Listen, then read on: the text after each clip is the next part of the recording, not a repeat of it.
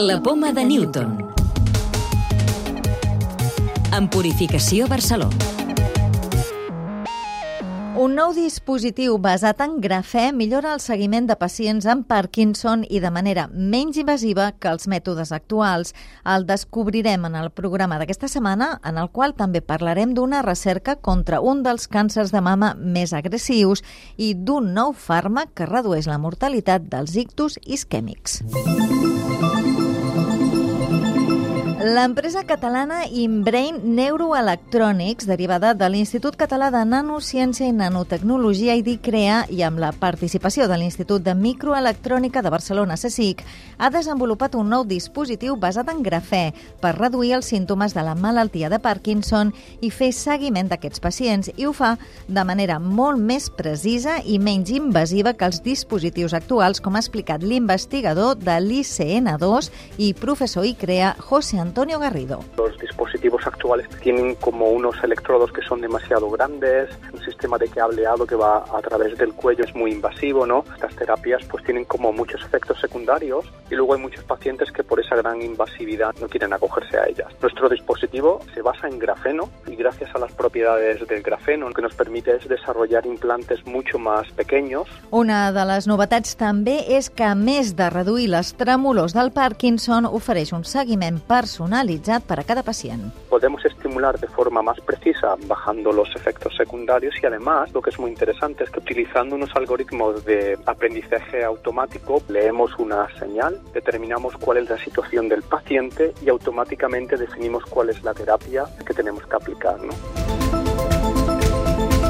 Monitorizar la actividad cerebral y aplicar la terapia que es eh, necesaria en cada situación. El paciente no se encuentra en la misma situación incluso a lo largo del día. Hay, hay situaciones las que requiere tal vez una terapia diferente a otras y eso es lo que viene a, a hacer este, este dispositivo. Mejora la personalización de la terapia a lo largo de la, del día para cada paciente. L'EINA acaba d'obtenir la designació de dispositiu innovador per part de l'agència reguladora nord-americana, l'FADA, la qual cosa facilitarà la seva aplicació als Estats Units i accelerarà també la seva aprovació a Europa. Més coses. Investigadors de l'Institut Hospital del Mar d'Investigacions Mèdiques han descobert per què alguns tumors de mama tipus HER positiu, un dels més agressius, aconsegueixen fer-se resistents als actuals tractaments d'immunoteràpia. El que han vist és que són capaços de traure un tipus de cèl·lules presents a tot el cos, els fibroblastos, i utilitzar-los a favor seu per evitar l'acció del sistema immunitari. Alexandra Callon és l'autor principal de la recerca. Son células que están en el cuerpo y uh, lo que hacen las células cancerosas es atraerlas hacia ellas para reprogramarlas y ayudar a aprovechar un poco de la energía misma del cuerpo para de derivarla hacia, hacia el crecimiento tumoral. Un nou fàrmac aconsegueix reduir més de quatre vegades la mortalitat per ictus isquèmic i també les seqüeles de la malaltia. L'ha desenvolupat la biofarmacèutica Apta Targets i l'estudi del medicament l'ha liderat l'Institut de Recerca Vall d'Hebron. El fàrmac ja està en assaig en pacients i ha demostrat que és molt segur i eficaç, ho explica Marc Ribó, responsable de la investigació. Pretenem protegir abans i millor al cervell. Hem vist que és un fàrmac segur, disminueix la mortalitat un 18% a un 4% i, a més a més, hem vist que és eficaç.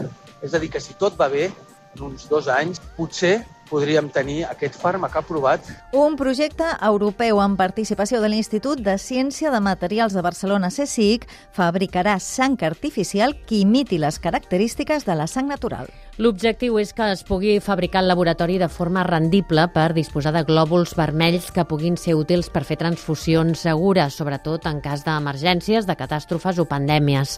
La iniciativa vol resoldre el problema de la falta de subministrament de sang i també els riscos d'infecció en transfusions en zones del planeta poc desenvolupades o en situació de conflicte. Llibres de ciència. El llibre que us proposem aquesta setmana fa un recorregut per les cirurgies més famoses de la història. El arte del bisturí, del prestigiós cirurgià holandès Arnold van der Laar. El llibre recull la història de la cirurgia des del temps foscos de les sagnies i les amputacions sense anestèsia fins als actuals quiròfans dotats d'alta tecnologia. I ens explica alguns dels moments més interessants d'aquest recorregut aturant-se en algunes de les cirurgies més famoses de la història. Descobrirem, per exemple, com Albert Einstein es va salvar d'un aneurisma d'aorta o els detalls de l'operació al papa Joan Pau II després de l'atemptat que va patir el 1981, entre moltes altres. Una obra que, en definitiva, ens endinsarà en els quiròfans per descobrir què passa en el transcurs d'una operació i quines són els avenços científics més destacats en aquesta àrea de la medicina. La clau de volta. Com ens pot ajudar el genoma dels primats a lluitar contra malalties humanes? Tomàs Marquès és director de l'Institut de Biologia Evolutiva. Estudiar els primats ens dona molta informació per prioritzar quines mutacions són les més rellevants per explicar les enfermetats humanes. Si una mutació que trobem en un tumor no la veiem en cap primat, malgrat a les desenes de milions d'anys d'evolució, és molt possible que aquella variant provoqui un efecte no desitjat, que és el que li diem malaltia. Recordeu que podeu descarregar-vos el podcast de la Poma de Newton o subscriure-us al programa per rebre'l directament als vostres dispositius.